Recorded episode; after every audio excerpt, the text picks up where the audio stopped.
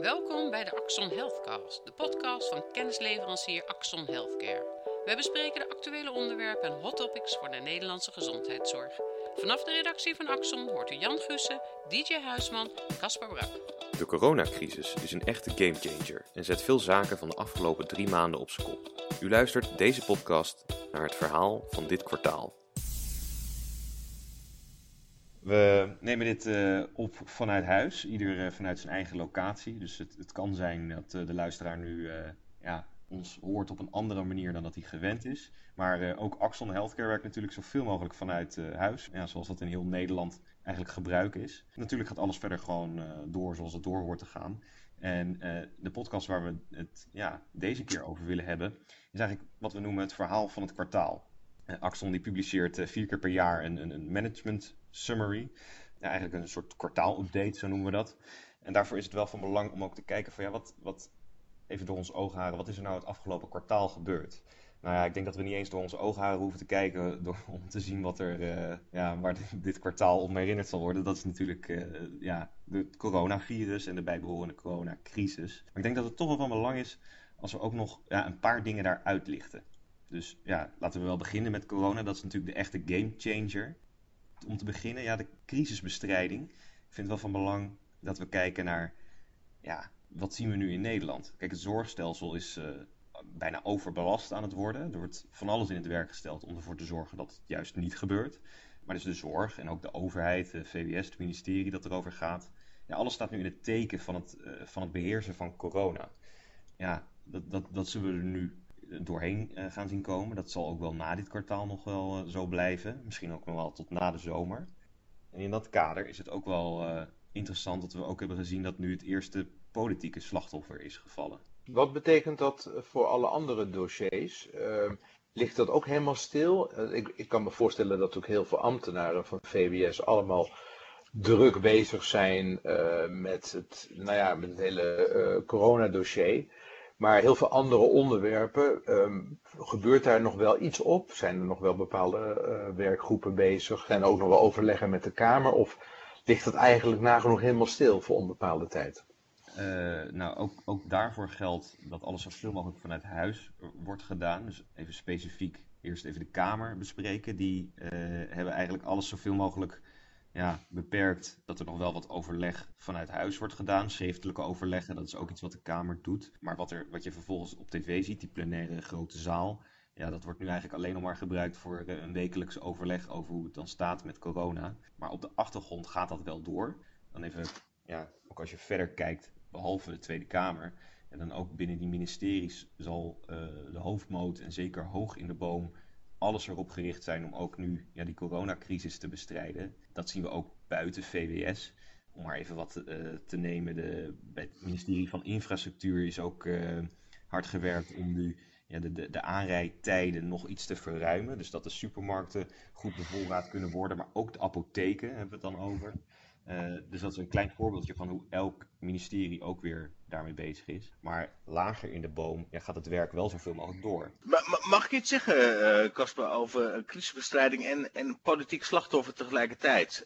wat mij in ieder geval opvalt, is dat uh, nou, er zijn de gebruikelijke partijen staan tegenover elkaar als het gaat om de debatten die, die gevoerd worden. Wat ik wel opvallend vind, is dat Denk, de partij Denk, zich aansluit bij PVV en Forum voor Democratie als het gaat om dat ze toch voorstander zijn van een totale lockdown. Dus dat vind ik ook een opvallendheid. En het tweede is het politiek slachtoffer. Is Bruins een politiek slachtoffer? Of is hij in feite iemand die op dit moment het stokje overdraagt? Ja, om met dat laatste te beginnen. Hij is niet een, een, een politiek slachtoffer in de zin van dat hij inhoudelijk ergens voor heeft moeten aftreden. Maar nee. uh, je hebt wel gezien dat nou ja, die, die crisisbestrijding sowieso veel vergt van mensen. En ja. uh, afgelopen donderdag had hij dat, dat urenlange debat. Uh, volgens mij duurde dat tien uur ja. in totaal. Na de lunch had, die, had de beste man verder niks gegeten. Ja, dan sta je daar om half acht. Toch wel een beetje ja. rammelige, rammelende maag. En dan zakt hij in elkaar. Nou, vervolgens bleek, bleek dat hij rust heeft moeten nemen. Dat, het, dat die rust ook wel langer duurt dan, dan alleen het weekend. En heeft hij ervoor gekozen om gelijk het stokje over te dragen. Dus wat dat betreft, ja. politiek slag. Ik denk dat in dit geval ook wel geldt dat die. Ehm, als je het natuurlijk een beetje in een, in wat bredere context plaatst van, nou ja, vorig jaar toen die, toen die twee ziekenhuizen failliet zijn gegaan, dat werd hem natuurlijk behoorlijk aangerekend, ook al was hij niet direct politiek verantwoordelijk. Maar um, heel duidelijk was dat de minister niet in control was. En dat is hem natuurlijk ook vele malen verweten. En vanaf dat moment is er ook wel een soort kanteling geweest in zijn, ja, in zijn publieke positionering. Um, hij heeft getracht om, om veel daadkrachtiger over te komen, veel meer ja, er, er steviger in te gaan. Zeker ook als het gaat om uh, debat met, met, met de farmaceutische industrie. En um, maar daar, daar, daar, daar, zie je wel dat dat, nou ja, of het gemaakt was, dat, eh, dat weet ik niet. Maar wel dat het veel energie kostte. En dan in, in de setting wat, wat er nu heeft gespeeld.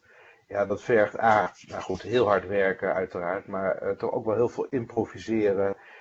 Mee kunnen bewegen en veren. En ik denk dat qua persoonlijkheid de man dat, uh, die kenmerken gewoon wat minder had.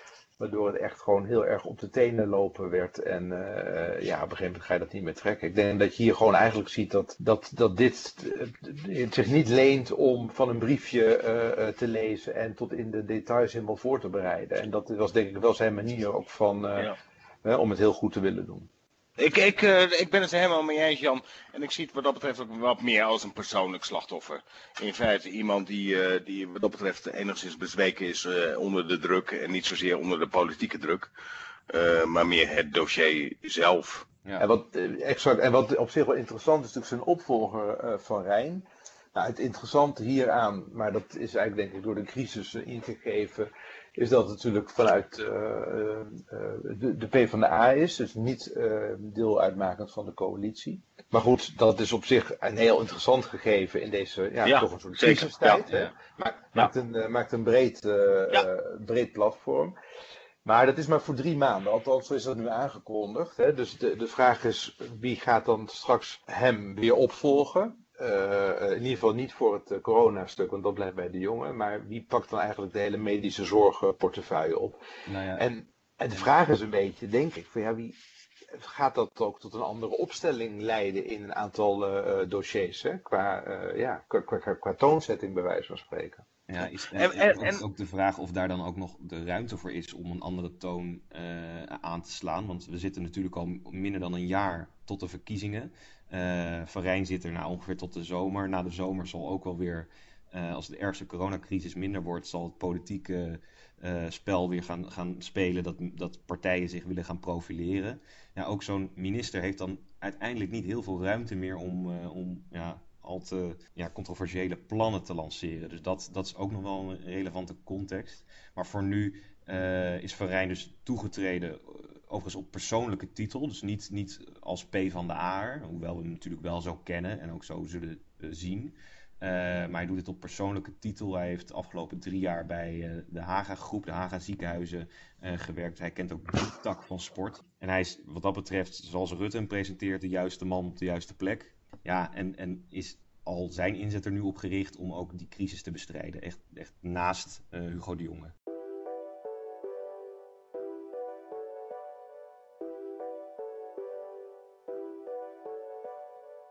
Waarom, Casper, uh, is hij slechts voor drie maanden daar aangesteld? Want ik zal het even, kort inleiden. Ik sprak van de week ook iemand die zei van... Ja, dit is eigenlijk een beweging die je verwacht van uh, um, zeg maar een zakenkabinet... waar vroeger politie wel eens over gesproken hadden. Van we zetten mensen in op, op expertise en niet zozeer op ideologie. Ik vind dat eigenlijk wel een voorbeeld daarvan. Ik moet heel eerlijk zeggen, als je kijkt naar het profiel van Van Rijn, heb ik ook niet zoiets van, oh, maar hij is P van de A. Waarom kan dat nou niet? Uh, of, of, of waarom is dat raar? Is dit niet op zich een goede beweging die we aan het maken zijn in dit huidige landschap, zeg maar, waarin we zitten? Ja, uh, vooral omdat de druk nu heel hoog is om, om snel iemand te nemen die, uh, die niet veel tijd nodig heeft om alle dossiers eigen te maken. Exact. Dat is bij deze man natuurlijk zeker het geval, omdat hij, ja. Uh, ja, hij kent VWS, hij kent het departement. hij kent die, die ziekenhuiswereld, die curatieve zorg, kent hij goed, medisch specialistische zorg. ja, dit is eigenlijk ook daarom de beste persoon die we hebben. Ja. Maar waarom, waarom wordt er dan gekozen voor een termijn van drie maanden? Ja, dat, is, uh, dat kan zijn eigen overweging zijn. Dat hij zegt van nou, uh, de ergste crisis, uh, gewoon alle hands aan dek, daar help ik mee. Dat, dat zou een mogelijke verklaring kunnen zijn. Dat weten we niet of dat zo is. Ja. En, en, los daarvan, kijk, ook politiek speelt natuurlijk ook mee. Je, loopt, je gaat straks naar de verkiezingen toe. Um, je bent toch een minister kwijt, een extra stem in de ministerraad van je eigen kleur. Dus de, dus de VVD in dit geval is Bruins kwijt en heeft daar dan nu, iemand, in ieder geval niet van de VVD zitten. Um, Dat kan meespelen. Verder uh, gissen is denk ik niet, uh, heeft niet heel veel zin, maar die, die dingen spelen zeker mee. Ja, oké, okay. uh, helder. Dus, maar ik vroeg me zo af, want ik vond het inderdaad een bijzondere beweging. Ik denk dat heel veel Nederlanders dat niet eens weten. Dat hij van een andere partij is dan de coalitiepartijen. Ja, dat kan ook gewoon. Hè? Dat, je kan gewoon, uh, ja, hij is niet, ja, de mensen uit het, uh, nee. uh, zijn verder niet gebonden aan het regeerakkoord in de zin van dat hun handtekening onder staat. Dat is natuurlijk de politieke partijen die dat getekend hebben en zij als minister voeren dat uit. Het hoeft niet strikt van die kleur, kleur te zijn. Overigens, deze drie maanden werd ook al gezegd dat hij zich hoofdzakelijk echt met corona bezighoudt. Dus dat zou impliceren dat in deze drie maanden ook, uh, dus tot de zomer, ook andere dossiers stil liggen. Ja, dat vragen we ons af hoor, of dat ook echt uh, helemaal stil ligt. Want ja, ook, ook op, op farmaceutisch gebied, uh, medische technologie, zijn er echt nog wel een paar dingen in de komende maanden die heel acuut zijn en die ook wel zorg nodig hebben. Nou, want ondertussen, even als, als, als een voorbeeld ervan, wat jij noemt, is natuurlijk dat de MDR, die uh, Medical Device Regulation vanuit de Europese Commissie, die, gaat, die zou in ieder geval per uh, mei live moeten gaan. En uh, daar is natuurlijk nogal in die zin huiverig voor, gezien de achterstand die er al was met alle notified bodies en dergelijke, om alle certificering op tijd voor elkaar te krijgen. En ja, eigenlijk de angst dat dat ook tot mogelijk tekorten zou kunnen leiden bij hulpmiddelen. Nou, dat is natuurlijk een iets andere discussie die loopt door nu de acute ja, druk op, uh, nou, noem het maar even, de, de mondkapjes en, en uh, een aantal andere uh, apparatuur, beademingsapparatuur en dat soort dingen. Maar goed, ook dat gaat toch wel over capaciteit en nou ja, indirect over tekorten. Dus daar komen ergens die discussies wel, wel bij elkaar. Ik, ik neem aan dat dat soort dingen wel gewoon, wel gewoon doorlopen. Ja, ja, zeker. Dat, uh, en dat, dat, is op 26 mei eh, uit mijn hoofd, die MDR, dat dat ingaat. Nou, dat is ook al in de komende paar maanden. Dus daar zullen ze heel nauwgezet ook naar kijken. Van, uh, kunnen ze dat ook wel aan? Ook die, die capaciteit bij die, bij die notified bodies. dat zijn geen overheidsinstanties, het zijn eigenlijk gewoon private uitvoerders. Die zo'n CE-keurmerk afgeven. Ja, daar wordt nauwkeurig naar gekeken. Maar wat wel stil ligt op dat vlak, op dat MDR-vlak, uh, is eigenlijk de hele politieke discussie over, ja, moeten die fabrikanten uh, verplicht een meldplicht uh, krijgen? Dus dat zij verplicht moeten, moeten melden als zij bijvoorbeeld van plan zijn om, omdat ze het hele papierwerk niet voor elkaar krijgen, hun, hun middel van de markt halen.